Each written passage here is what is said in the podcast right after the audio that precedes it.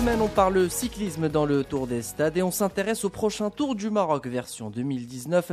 La 32e édition de la Grande Boucle marocaine se tiendra officiellement du 5 au 14 avril prochain. Pour nous parler de cet événement, Mohamed Belmahi, le président de la Fédération royale marocaine de cyclisme. Notre invité de ce Tour des Stades revient d'abord sur le parcours probable des coureurs durant le mois d'avril 2019. Le territoire marocain est assez grand. L'année dernière, on était dans le sud. Maintenant, cette année, on va sillonner les régions du nord celle de l'Est. Donc on est en pour parler avec certaines régions pour euh, les impliquer dans cette fête euh, nationale du cyclisme marocain. Donc c'est pratiquement vers les zones nord et celles de l'Est. D'autre part, euh, le Maroc va se présenter avec une nouvelle équipe, un nouveau visage. Les jeunes des U23 représenteront le drapeau marocain pour faire oublier cet épisode tragique la saison dernière. Un nouveau chapitre se dresse devant l'équipe marocaine de cyclisme. Comme tout un chacun le sait, il y avait le, retrait illégal et inexpliqué de certains des, coureurs marocains lors de, la, dernière édition du Tour du Maroc. Maintenant, pour nous, c'est une page On a fait la commission de discipline, ils ont été sanctionnés par la commission, alors surtout que la loi et le règlement de l'Union internationale du cyclisme interdit de tels actes. Donc, ils ont été sanctionnés. Maintenant, on a des jeunes euh, coureurs qui poursuivent leurs études dans des facultés, dans des, centres et tout ça ils font euh, leurs compétences, fait notre fierté et nous sommes très contents. Alors surtout, comme vous l'avez remarqué au cours de cette année, nous avons terminé notre calendrier à 100% et nous avons gagné les championnats arabes, nous avons gagné les championnats en Algérie, les Jeux de, l'Afrique et tout ça. Donc c'est des jeunes qui vont, euh, qui, fiers, ils vont donner de leur même, de, même pour euh, être à, la page.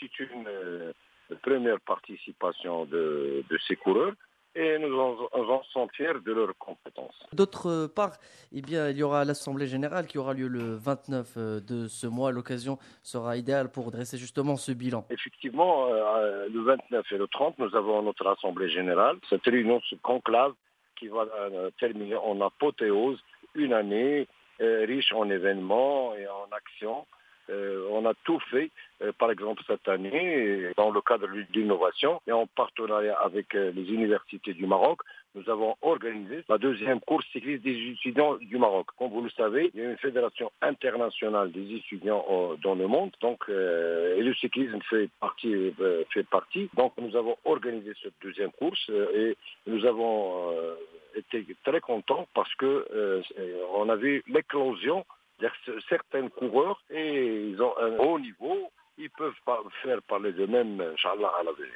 Enfin, dernière euh, question, Monsieur Mohamed euh, Belmahi, concernant les mondiaux de cyclisme sur route euh, qui auront lieu en 2025. L'Afrique a été choisie par l'Union cycliste internationale et son président aurait dit que le Maroc et le Rwanda seraient deux pays en course pour l'organisation de ces mondiaux. Que pensez-vous justement de ces déclarations de la part du président de l'Union cycliste Le Maroc n'a pas déposé de, candidature dans l'Union internationale du cyclisme. Nous avons convenu que l'Afrique va organiser les championnats du monde en 2025. Comme euh, le président connaît mieux le Maroc, il connaît sa stabilité, il connaît l'implication de toutes les potentialités dans le domaine du sport et surtout du cyclisme. Donc c'est lui qui a avancé le nom du Maroc.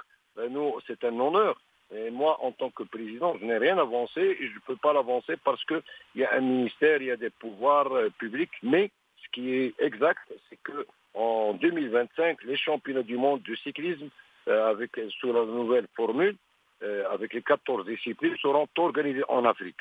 Donc tous les Africains, tous les, pays du monde espèrent que le Maroc soit le pays qui va organiser. Nous restons quand même confiants pour cette organisation. Nous interceptons ce, message du président de l'Union internationale de cyclisme qui fait honneur au Maroc. C'est une grande attestation comme quoi le Maroc, est un pays organisateur qui peut organiser divers championnats, notamment les championnats du monde euh, du cyclisme, soit dans euh, le sud vers Marrakech, soit dans le, nord vers Tanger. Donc le Maroc s'y prête merveilleusement pour cette belle organisation qui sera une première.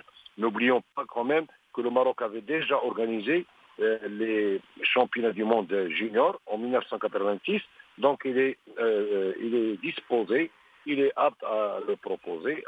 il y a accepté, surtout avec la construction actuellement. On a commencé à faire les études et tout ça pour la construction d'un nouveau vélodrome à Casablanca dans la région de Bouskoura. L'Afrique va donc abriter à coup sur les mondiaux de 2025. Le Maroc et le Rwanda ont été évoqués par le président de l'UCI qui devrait se prononcer jusqu'en septembre 2019 par rapport à la question. Place à présent à l'Assemblée générale les 29 et 30 de ce mois pour la Fédération royale marocaine de cyclisme qui devrait à cette occasion établir le plan d'action pour l'année 2019.